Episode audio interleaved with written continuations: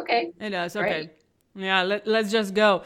Uh, so Angie, uh, thank you very much for your time, and we really do appreciate uh, the opportunity to talk to you.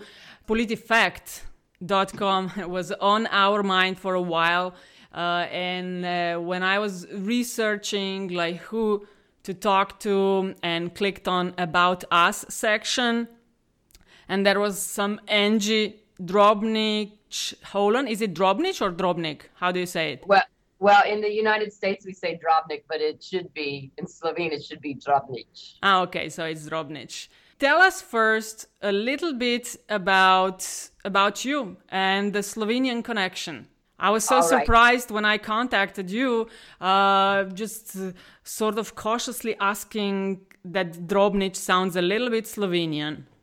Mm-hmm. Well, I'm a journalist here in the United States. I was born and raised in Louisiana. Um, my father, uh, Leo Drobnic, is from uh, Slovenia, the former Yugoslavia. He uh, he was born in Montenegro, but his family is Slovene, and um, they they left the country um, when he was a boy, when he was about eight years old, um, and went to Venezuela, and then he went to Baton Rouge to go to college to LSU, and that's where he met my mother. And um, so my father is an immigrant from Yugoslavia. We have actually been back to visit, um, although it sadly it has been many years. The summer after I graduated from high school, when I was 17, um, we went to Slovenia for the summer and visited relatives and um, had a wonderful time. The city of Ljubljana is so beautiful and um, I went to a, a, summer institute called Poletna šola, where I studied the Slovene language, but um, I was actually more interested in seeing the nightlife in Ljubljana than studying Slovene, so I don't really have any Slovene that I can use in our conversation, I'm sorry to say. Well, getting to know the nightlife, it's always can be educational. And Aljaž was a DJ, Aljaž, right? That's right. Maybe so I, he I, even... I can vouch it uh, uh, um, uh, nightlife in Ljubljana is a good start to learn to learn Slovenian. So there we go. Uh, so Angie, you uh, do you know maybe do you remember which part of Slovenia your father is coming from or his parents? Yes, uh, they were from Bohinj. From where? Okay, ah, Bohinj. Ah, Gorenjska region. Okay, so you started your media career in Louisiana and then went to to Florida where you work for uh, Tampa Bay Times, right? That's right. The Tampa Bay Times is the home newspaper that started PolitiFact. We started it in 2007. And at that time, I was a reporter on the project. PolitiFact.com is uh, a project of Tampa Bay Times and uh, Times is, correct me if I'm wrong, it's owned by Poynter Institute, right? A school uh, for journalism, very well known in Slovenia as well, you know?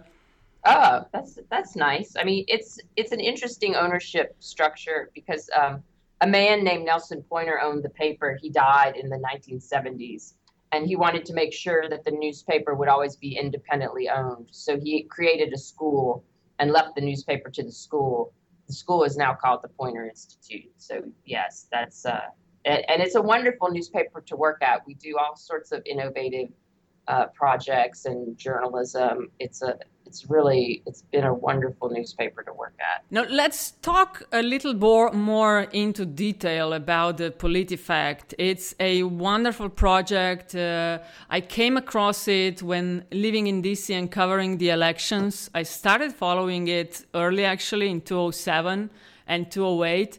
Uh, it was really really good resource uh, to check or to see how uh, public officials um, are talking the truth or, or lying or whatever. And tell us what PolitiFact.com is and how it evolved over time. Well, we are a news website, so we're trying to give people information they need to govern themselves in a democracy. And we focus on fact checking reports. So everything on the website is a statement that somebody made, a politician usually, uh, and their photo is next to their statement. and then we research whether the statement is accurate, and then we say whether it is, or if it's not accurate, we say how it's wrong, and then we rate it on what we call the truthometer, which is a rating scale that we invented. And there are six ratings. It starts with most accurate, that would be true.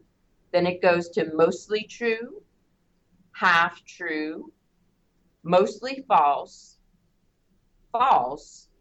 And then for our worst rating, if something is completely wrong and ridiculous, we say that it's pants on fire.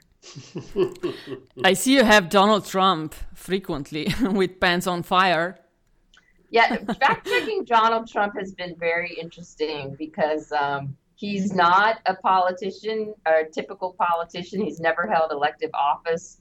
And we find that many of his statements have been inaccurate. He often speaks off the cuff, he doesn't use prepared remarks very often. And I think that might contribute to it. Now, I should add, we do not pick a random sample of the candidates' statements. We use our news judgment when we hear something provocative, when it sounds wrong, uh, we are going to fact check it.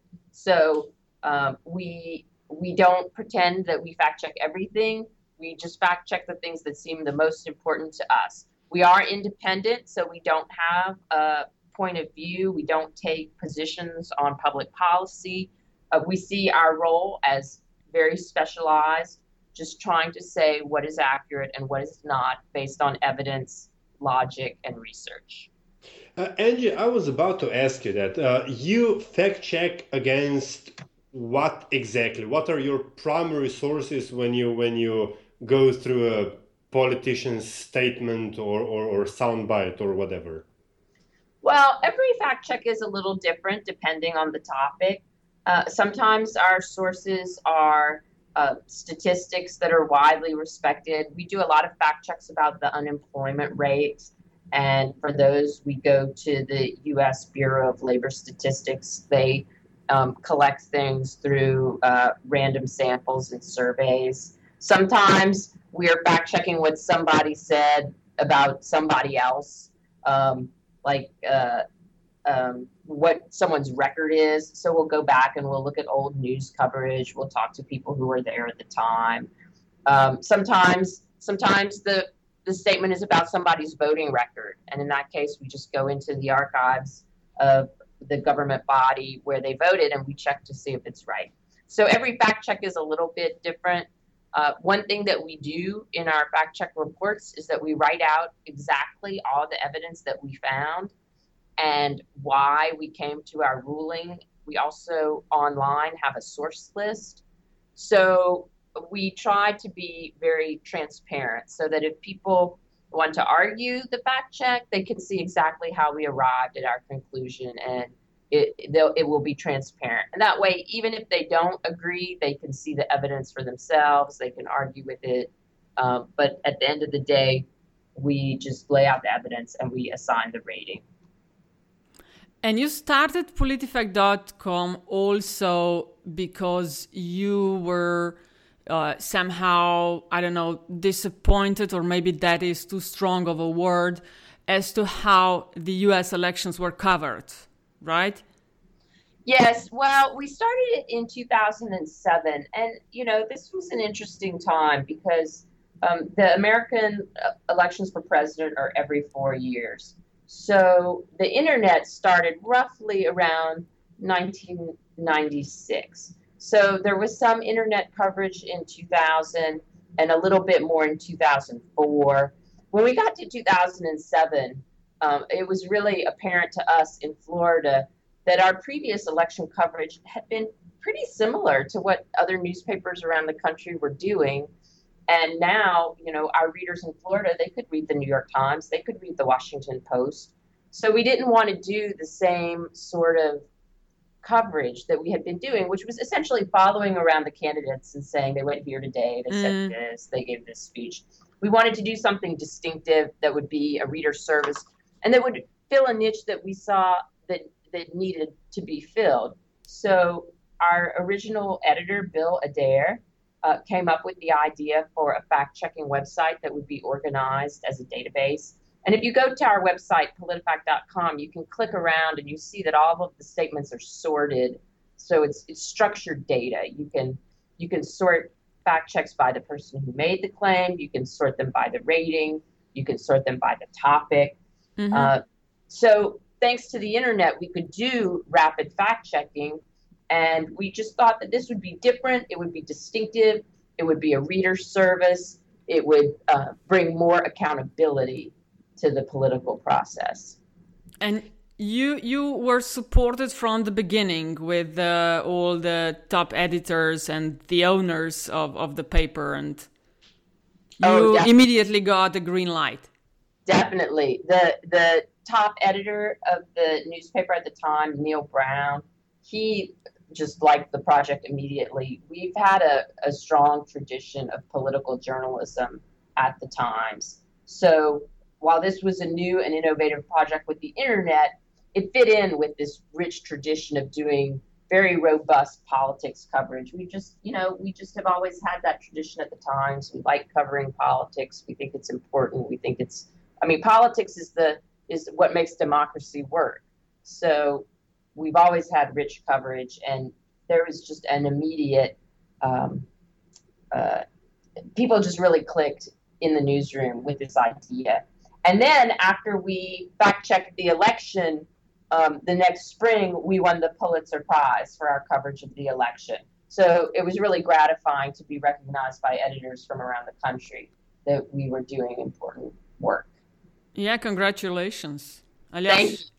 Yeah, I, I, I, congratulations on my part as well. But uh, I think I read a quote by Abraham Lincoln the other day that says you shouldn't believe everything you read on the internet, right? That's uh, true. definitely yeah. should not.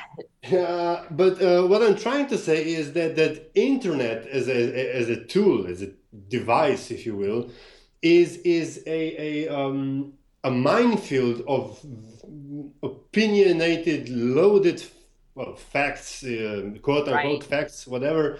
And, and then you know every every survey you every research you source from will be there's a counter research for it uh, especially in the US, the, the um, such, such incendiary topics such as uh, gun crime or gun ownership or abortion, whatever, you know, every side has one uh, um, has a med, this mass of data that will use as an argument or pseudo argument against the other side, um, and there you are claiming that that that whatever you publish on politifact.com is your I, I mean is to you to the best of your knowledge true or or or uh, or, or um, factual or not factual uh, as opposed to to, to, to, to the politician who said it.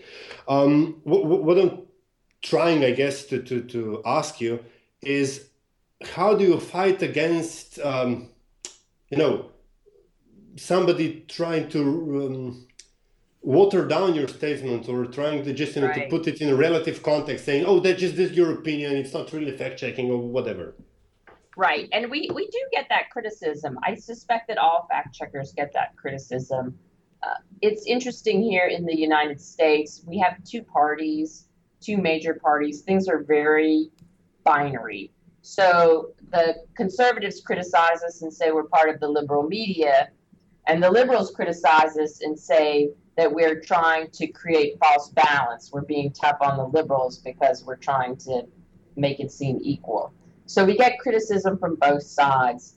Um, you know, for myself, um, when when we're criticized, I go back.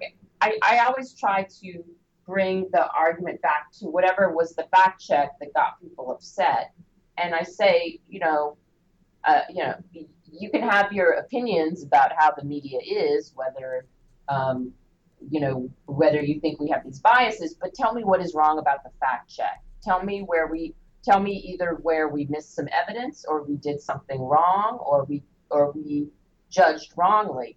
If there's something to correct, we will correct it. We have a corrections policy. But if there's nothing wrong with the fact check or you just don't like the rating that we arrived at, then uh, then we just have a difference of, of opinion. Um, you know so it's it's it's interesting to defend the work because I find when when it's about the fact check itself, it's very easy to defend.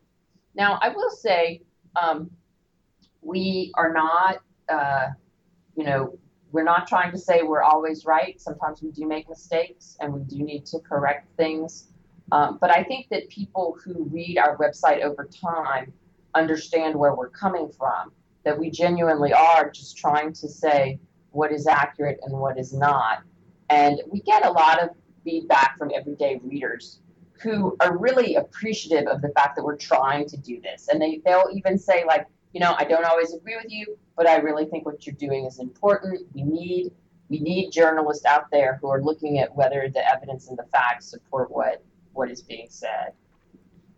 Uh, was there a case that you maybe in all these years did like a really really big mistake so you had to go i don't know from from uh, proven right to pants on fire or whatever like a, a couple of levels below or up from your initial ruling you know sometimes um, the ones that have been most controversial are usually where people say we got the rating wrong where we just misjudged uh-huh. like and it's usually something like where we will say something is half true, and people will make the argument that it is mostly true. Or we've said something is mostly true, and they say, no, it should be half true. Um, we have made some mistakes from time to time. Um, we try to correct them quickly. Um, but uh, but overall, we we have a good track record. And the other thing is that we've learned from the criticism that we've gotten. Um, mm-hmm. we, I, I, think we have better processes now than when we started out. Um, you know, one of the early fact checks that people got upset about was we were looking at a statement from a politician who said that America is a, a majority conservative country. And we rated that mostly true because if you look at the polls in the United States, conservative is usually the number one response, but it's not 50, it's not more than 50%. So no? that's it's it's like it's like forty percent, and then uh. and then moderate is another forty percent, and then liberal is like, and and I, I forget what the exact numbers are. So okay, okay. But but it was like no no ideology got more than fifty percent. They were all under fifty percent because there was conservative, moderate, liberal, don't want to say, um, and we we went back and we changed that to half true because we thought the readers had a good point. And after that, we, we became more particular about looking at the exact words. So if someone said majority and it wasn't 50%, if it was, you know, we wouldn't give it as much credit. So that's where we've learned over the years. We have an editing process. Uh, so three editors vote on the ratings, and we um, we ask ourselves questions when we get to the the process of assigning the rating about whether something is literally true, if there's another way to read it, did the person provide evidence, and how have we rated similar claims in the past? And we ask ourselves those questions for every fact check that we publish. And that's something that we learn to do over time. And I think it's it's helped because as journalists, I find if we have a process that we follow for every fact check, it helps us avoid mistakes and errors. And, and I think that's becoming more and more important in journalism is trying to have a process that you follow uh, so that you apply the process uh, mm-hmm. in a consistent manner to everyone. Uh, just wanted to ask you how long on average, Angie, it takes you to do an analysis. I know it depends and it varies, but right. Uh, are mostly done in a day, in a couple of hours, or? You know, for an average fact check, it usually takes two days from the time that we decide to do it until um, until we publish it. So usually two days. Um, and how many people work on one, on average, on one analysis? Okay, three editors, uh, like after checking, or is it right. like three people working on it? It's one person working on it usually, and then um, one editor gives it the full edit, and then three editors vote on the rating. Now, I should add, I have one fact checker who's very fast, and he does one fact check a day. He's like our, he's like he's like our super our super fast fact checker. He does one fact check a day.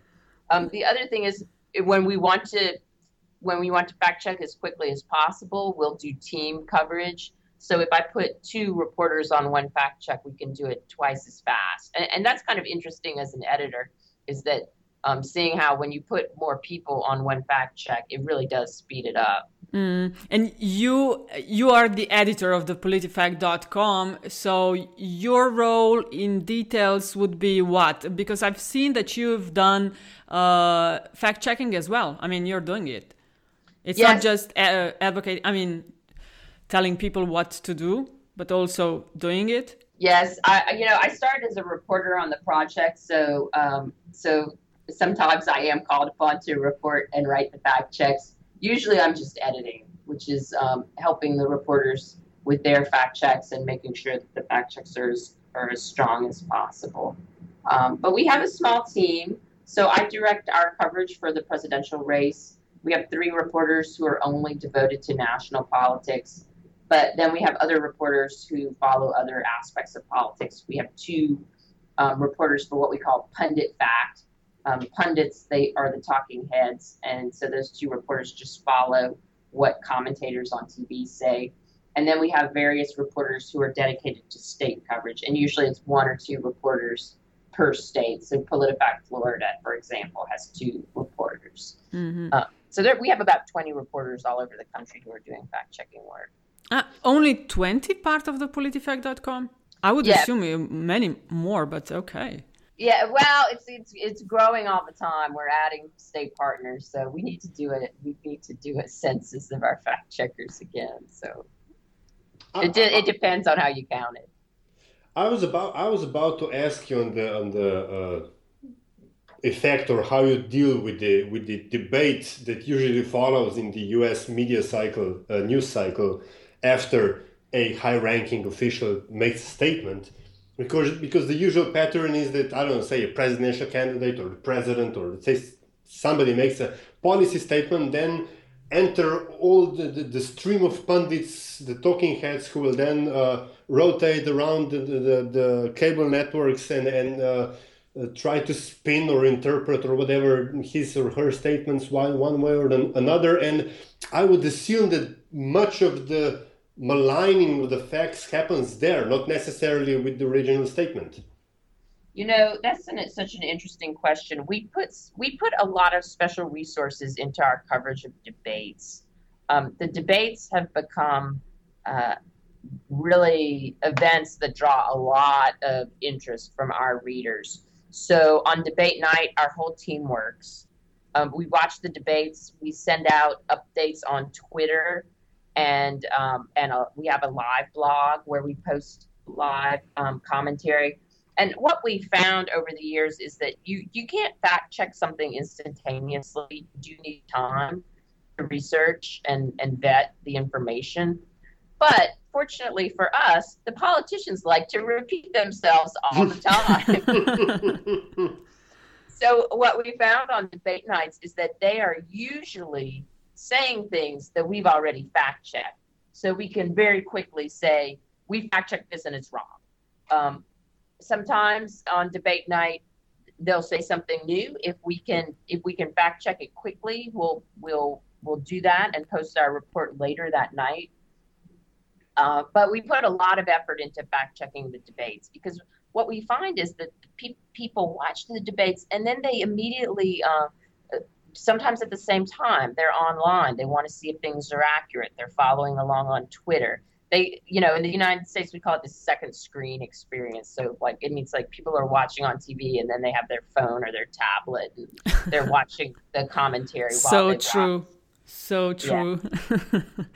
yeah so i mean because and the reason we do this is that we find that our work has more impact when we can um, get it out as, as close to when the statement is made as possible. So if someone says some whopper in a debate and we fact checked it before, we put it out as soon as we can, and people will retweet it or comment on it on Facebook, and and and we find that our work spreads very quickly um, during those moments when people have very high interest in whatever's being said.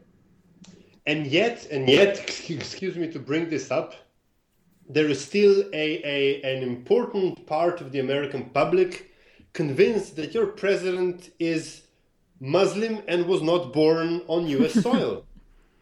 you know, there is a part. Um, it's not uh, it, it's interesting because it's not most people. I should emphasize that it is a minority. Um, but a very vocal one. Uh, yeah, yeah, to a certain extent. Um, you know what I find is um, in any kind of given issue where people are going to believe wrong information, you know, you can find a roughly 30% of people who will believe something that's wrong. Now, the positive spin on that is 70% of people don't believe the wrong information.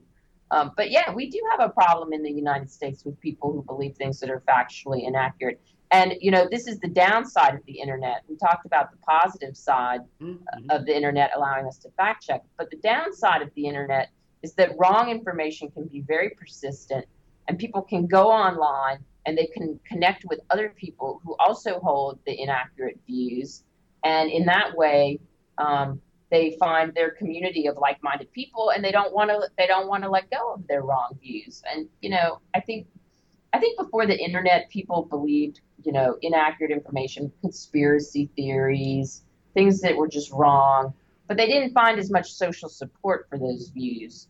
Um, and so I, I, think some of those views were very much under the radar. They weren't aired publicly so much. But now with the internet, um, you can find, you know, people can find all sorts of support for all kinds of crazy views. For us, we just keep going back to the facts and the evidence. We just try to present the information and hope that um, that people will find it convincing, that it will that people who want to argue with others can use us as a resource, um, and that sort of thing. Now, some academics in the United States are studying very carefully what kind of journalism people find persuasive. Um, we don't try to um, we don't try to like shade our reports to like I mean we're not we're not so invested in convincing people to to to think the right way. We just kind of put the information out there, and then because some of this is you know beyond our control. I mean, I don't think that. Um, I think that fact checking is one part of the media universe. It's one part of civic discourse, um, and, but I think it's an important part because it puts the evidence out there so that people who want to um, want to make arguments that's based on evidence and research and logic have the information that at their fingertips that they can use. Mm-hmm. Uh, and you talked a little bit about the criteria on how do you choose uh, which claims to check. Um, because there is seriously a lot of BS flying around. Mm-hmm. So your main criteria are like news, how newsworthy the statement or the claim is, who says it, right? Anything else? Like right. you have various, right? The cr- various criteria right. on which you decide. You know, the top criteria is something that is said that a lot of people would hear and that they would wonder if it was true or not. Um, so we follow the news. We try to write about what people are talking about on any particular day. We try to be topical. Um, but at the end of the day, it is our news judgment. I am attracted to things that sound wrong because, you know, we're not going to fact check information that everybody agrees on. So, mm-hmm. so we do look for statements that sound wrong. We also look for statements that we just think are interesting and, and could need to be explained more. Uh, we try to check an equal number of Republicans and Democrats, and we try to check a diversity of topics. Now, having said that, right now in the United States, we have a much larger field of candidates running for president on the Republican side than on the Democratic side. So mm-hmm. I'm sure lately we've been fact checking more Republicans. Um, but we, we ba- we're basically trying to give a roughly um, uh, a representative sample of topics and and people and uh, and that sort of thing. We don't want to ignore anybody um, that is prominent in U.S. politics. I understand. Who came up with the liar, liar, pants on fire? I love the naming. that was something that came up in the in the newsroom. Uh, that you know, we just we wanted a we wanted a rating for like um, for just like the the the, the kind of crazy uh, not, you know, not yeah. just wrong, but a crazy, crazy lie, right? Yeah. So that was um, that was something. What I I think um, I think one of the reporters in the newsroom came up with that. I'm not sure which one, but uh, but we just started and we really liked it. Right. I assume there was no opposition to the pants on fire. I love it, and the graphics as, as well. So you have like three features. One is truthometer that you just talked about. Mm, the other is flip-o-meter, and you also have promise meters. Now, just a little bit about flip-o-meter and promise meters, if you would right. say a bit. The, the flip-o-meter is interesting. The flip-o-meter we use when a, there's a question if a candidate has changed a position or not. Now, it, the flip-o-meter gets an interesting response because some people say that uh, we shouldn't punish politicians who change positions, that they should change their positions when the evidence changes, when they've thought about it more. Um, we try to use the flipometer only to document when there are real questions about what was their position before and what is it now, because sometimes their positions evolve over time. So, um, so we do use the flipometer. It's not meant to be punitive. It's meant just to say, did they change position? Yes or no. Um, so it's got no flip, uh, a half flip, and a full flop. So. Um, so we, we use the flipometer only at certain times. The promise tracking is is very interesting. We track all of Barack Obama's campaign promises. We call it the Obameter, um, uh-huh. and, and we've got. Barack Obama was an interesting person when he ran for president because he wasn't very well known nationally. He was relatively new to the political scene, but he had he had been a senator from Illinois just for one term. That's that's not that's not typical in the United States. Um, although maybe it will, maybe things are changing. But you know, traditionally people have had much longer records than that. So I think because of that, he put out a lot of position papers where he made campaign promises uh, to, to introduce himself to the American public. So we took all of these promises and put them on the Obameter. We found 500 promises, and we've been tracking them over the eight years of this presidency. Uh, now, the the promise tracking has been imitated in countries around the world. Um, with, fact checking is also growing around the world, and we can talk about that a little bit more. But the promise tracking has been uh, very much imitated. There was a, a Morsi meter for Egypt that looked at uh, Morsi's promises over the first 100 days. Now, this was several years ago now. Uh, and we find that other um, other civic groups in emerging democracies are doing promise tracking. And the, the interesting thing about promise tracking, it's not fact checking. It's just saying they said they would do this, and now we're going to see if they do. Uh, there's a project based out of Toronto that covers Iran that is the Rouhani meter, and they're doing a lot of very interesting work where they're looking at um, what President Rouhani promised and if he's keeping his promises. Mm-hmm. And I really like one other thing that you added. I mean your project is really really successful. You have uh, uh, not only the national edi- edition but also the state editions. But the PunditFact now you are checking claims from members of the media. How was that received? You know that's been we've gotten really mixed responses from the media from the people that we're fact checking i should say our readers love it. Um, but with the pundits we've gotten a a mix of responses. Some of them get angry.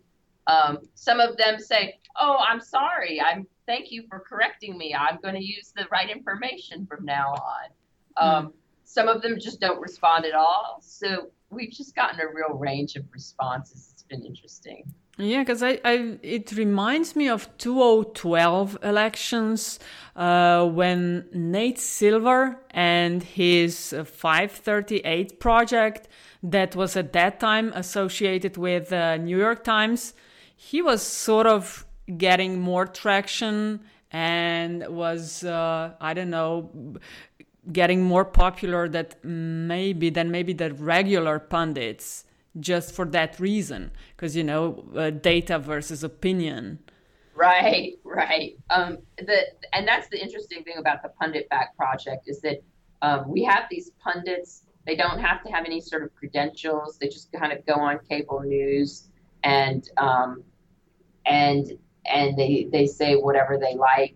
Um, so the PunditFact Project has been a way of holding them accountable for their rhetoric. And I think in that sense, it's proved very successful. Because what we find is that when, as we say, when people know there's a police officer standing on the street corner, they don't they don't go out and and uh, and commit commit crimes. And so similarly, when people know they're going to be fact checked, they're more careful with what they say.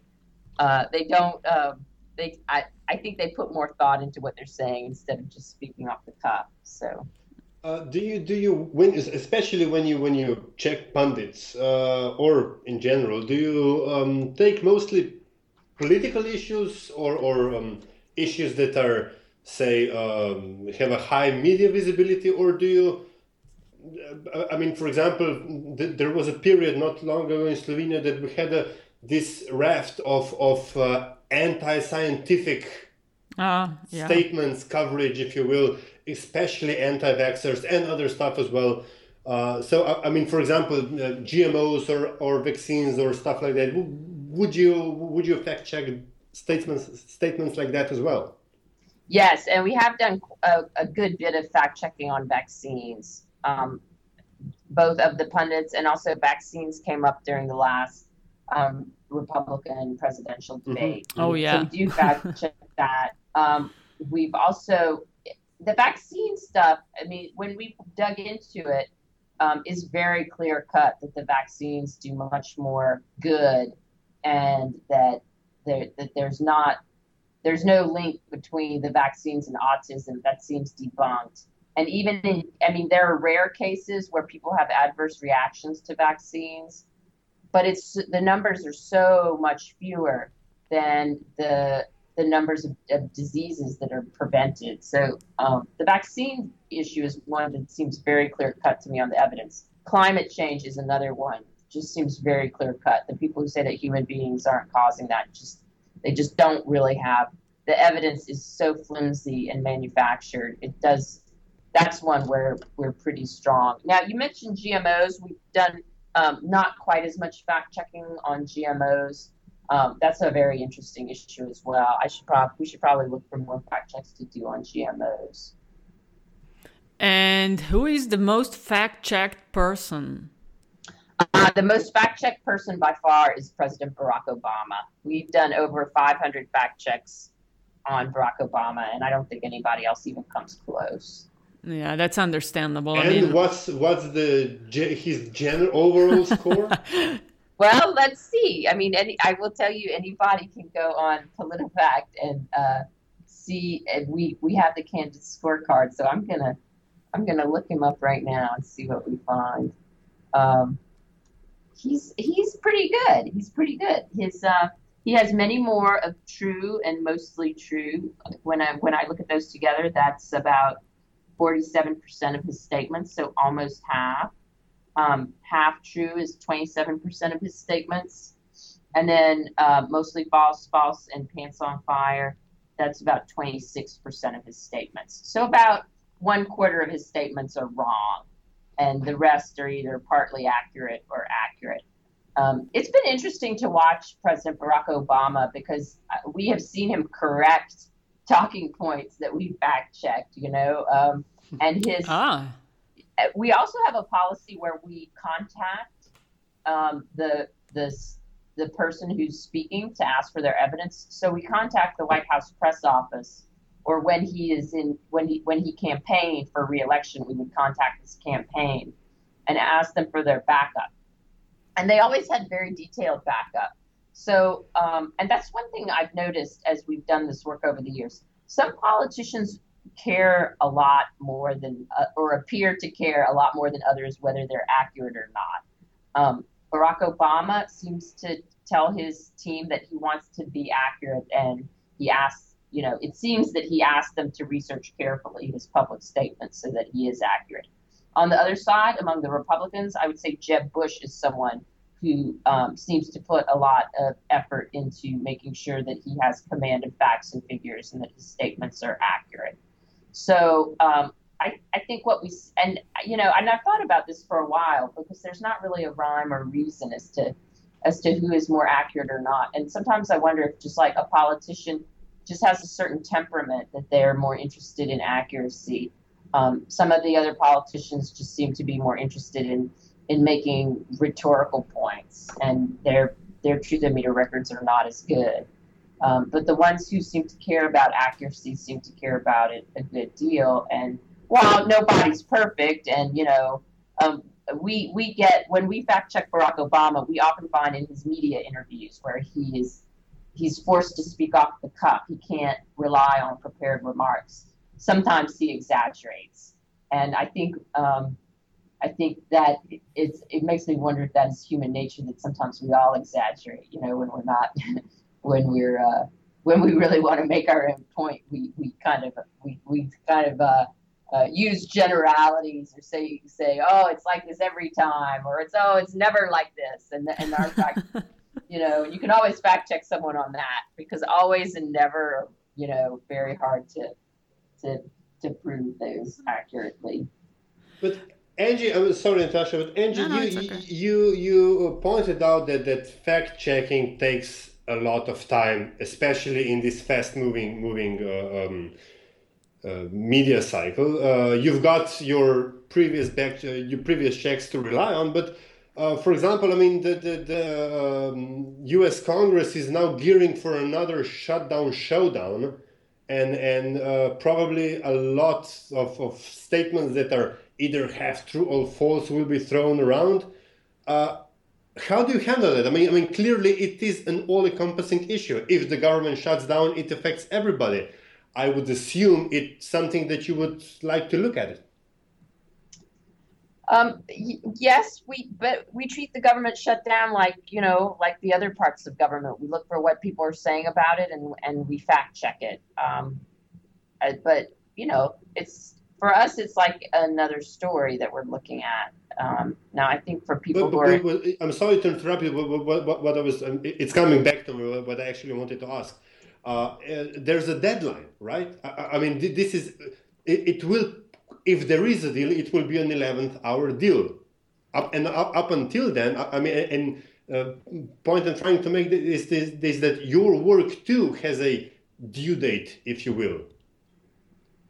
Yes, um, I, yes, I, I, I mean, I suppose so. I mean, we're uh, we're just we try to be timely. We try to fact check things uh, as quickly as we can, um, and and then we publish. So um, a lot of times, like I said, our turnaround time is fairly quick. So for things that are in the news, we can post a fact check in a day or two. You talked about exaggerations. Uh, you did a couple of days ago uh, a comparison of uh, terrorism deaths and gun deaths uh, in the U.S. Right? That that got a lot of traction, I think, around the world. Uh, yes, yes, it did. We, um, you know, the the issue of guns in the United States is one that's very controversial. A lot of people are very interested in it.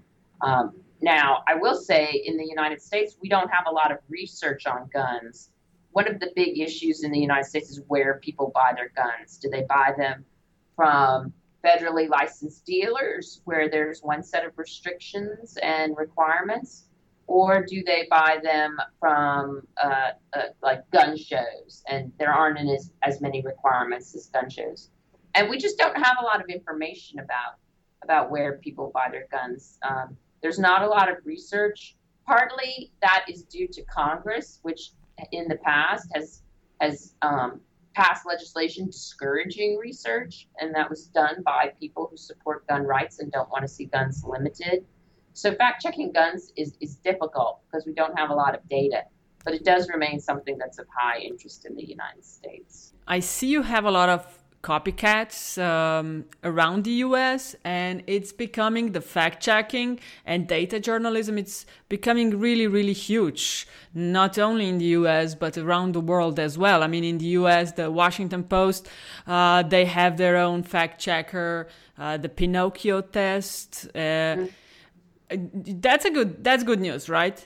That oh, I getting, think so. Yeah, I think so. Now, I should say that um, uh, the first fact checking organization was factcheck.org.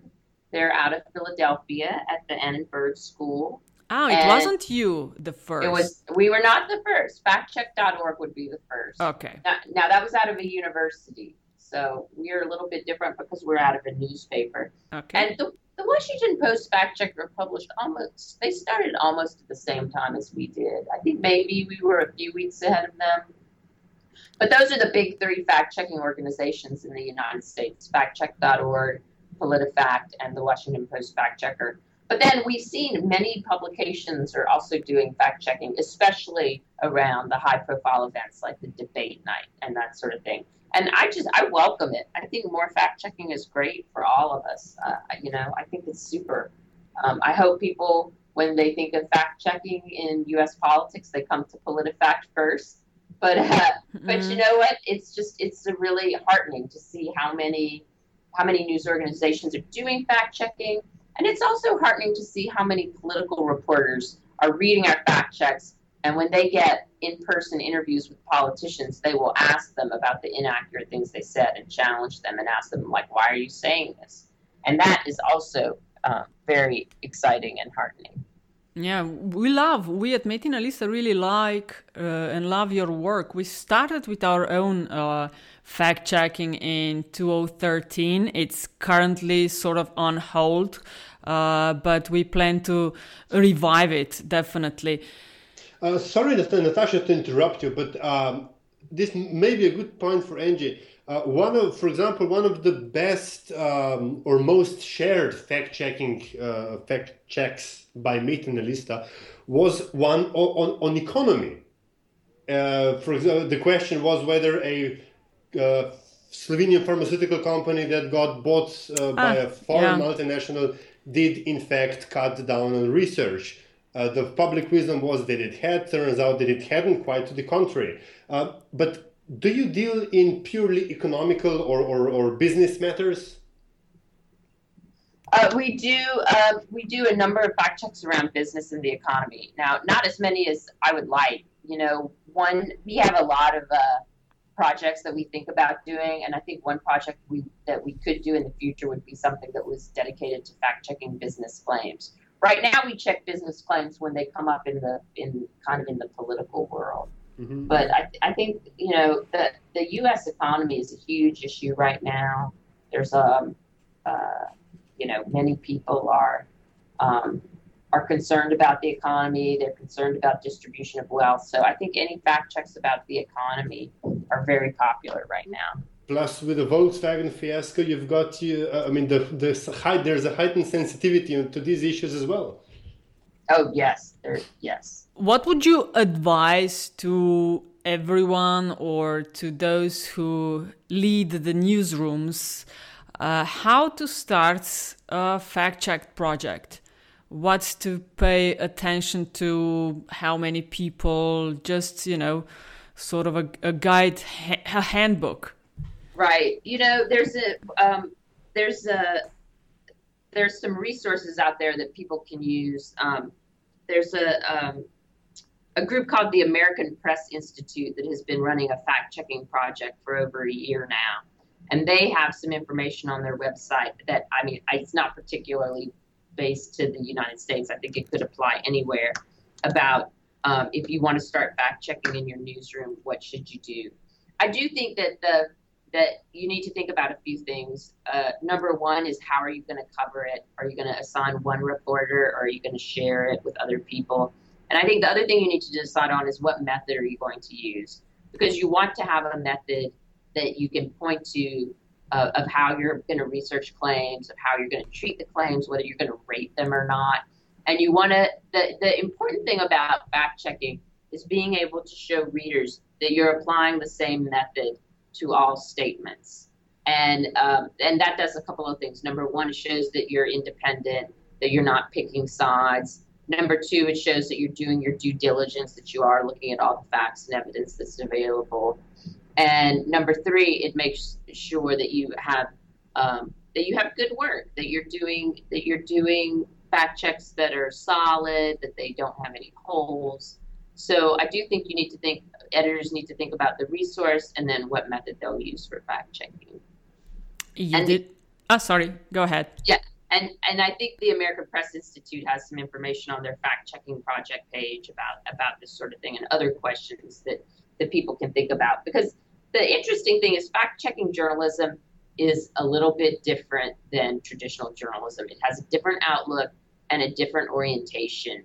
And so you have to put some thought into how you're going to do it. It's not, it's because because it comes to a conclusion we call it a reported conclusion it comes to a conclusion at the end in a way that a traditional news story doesn't do so it is a little bit different that way and people and the editors do need to think through how they're going to do this work and you didn't mention the money. Who pays for your work? Who pays for our work? It comes out of our newsroom budget. We're considered um, one of the newsroom teams, just like the investigative team or the city council team. So right now, the the readers and advertisers of the Tampa Bay Times are paying for our work. We are getting more money through grants. Um, uh-huh. There, there are foundations and charitable groups in the United States who are concerned about what's happening to the media um, with the internet revolution. Uh, the newspapers, who have been the traditional information gatherers, don't have as much revenue as they used to. So we're seeing foundations and charities that are interested in stepping in. And then we're also starting to get support from readers. We had a Kickstarter campaign earlier this year, and we're we're testing more ideas that way to ask readers to support us directly. Okay, so um, what would be like the approximate budget, yearly budget for for your work so far? What's been the number so far?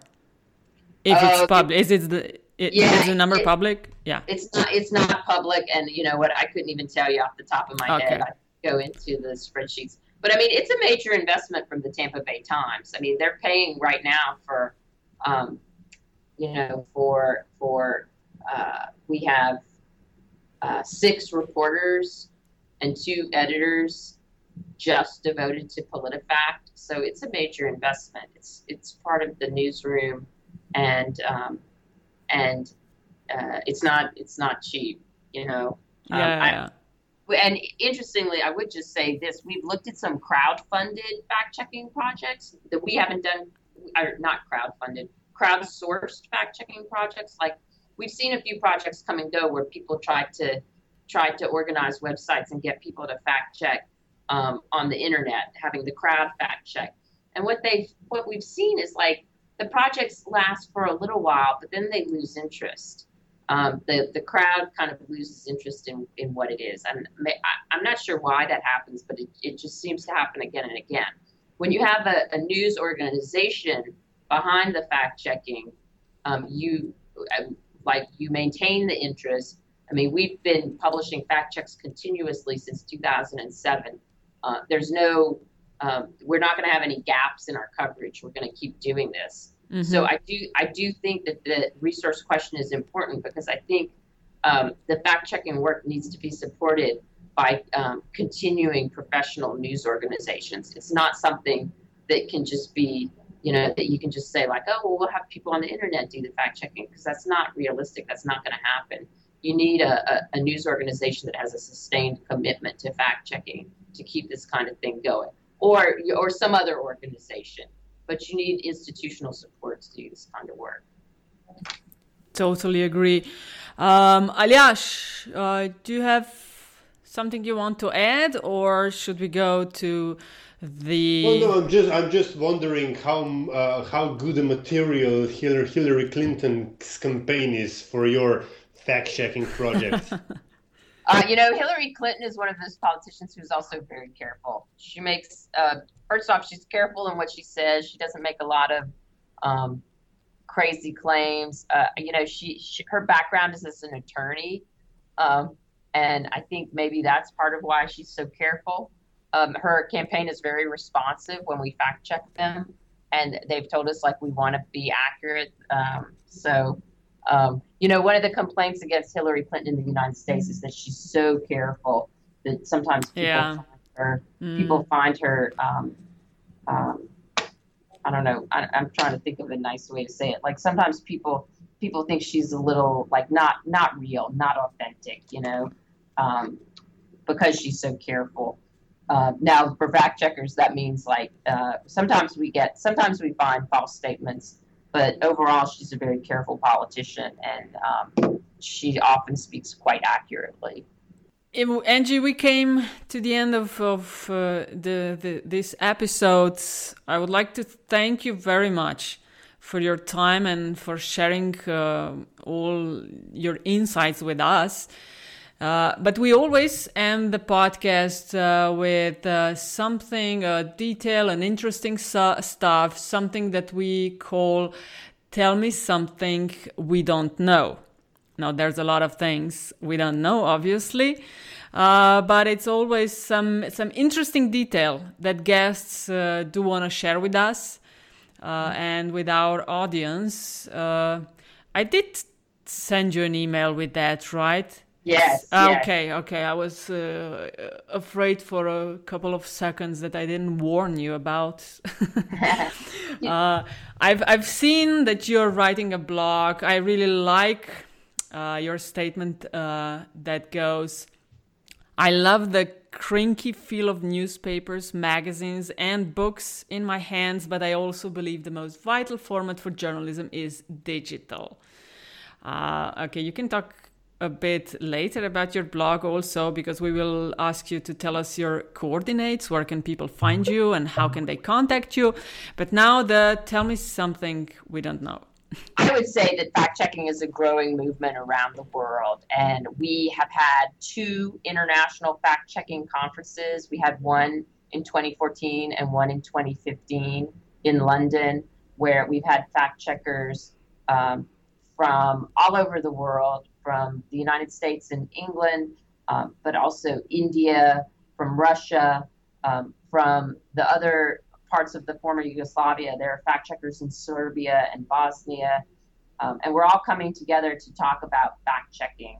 Um, and it's interestingly, I think fact checking is really catching on in places where there's emerging democracy, where people are are are are, are starting democratic governments, and they haven't had this tradition of people um, uh, people holding the political power and and casting votes and making their own political decisions. And I think fact checking is important that way um, because it gives people the information they need to govern themselves and it holds politicians accountable. So that's been very exciting, and I'm hoping we're going to see more and more international fact checkers. Um, we're going to have another conference next year, and the Poynter Institute is actually the home for the International Fact Checking Network, and um, and that's ah. pretty exciting. So yeah. By international, you mean you will have a headquarters also opening up something in Europe, maybe? No. You know, I'm not sure about that. Our next our next conference, uh, we haven't set the place. There's talk that it might be in Istanbul. Uh, we're gonna we're gonna pick some place that is not in the United States and not London. Um, I think there's going to be more training um, in fact checking going on in Europe the idea of the network is just to create a space where fact checkers around the world can meet and share ideas, tips. You're more advice. than welcome to come to Ljubljana. or Bohinj for that reason. I would, I would, love to come back. It would be wonderful to visit again. okay. Uh, thank you, Angie. Aljaž? Uh, thank you. It's been very informative and I loved every minute of it. Yeah. Oh, thank you so much. I love talking about it. Tell us a little bit where can people find you? Your blog right. I mentioned. Oh yes. Well, the, the website that I work for for the fact checks is politifact.com. And then for my personal blog, that is at angieholan.com. That's A N G I E H O L A N. And at that blog, I just post little interesting tidbits about about me, about my life as a journalist, and books I read, just little things like that. So yeah, you write fact, book reviews as well. I do. I love book reviews. I've trained as it's a, a wonderful combination. Yes, I trained as a journalist and a librarian, so I love writing book reviews. It's really fun. Okay, and your Twitter account? It's Angie Holan, A N G I E H O L A N. Okay, Thank you again for your time, and you can find us on Twitter at, at Pengovsky and at DC43. And uh, the webpage is metinalista dot. Oh my God. Yes, I. Thank you. Thank you, Angie. Thank you. Thank you.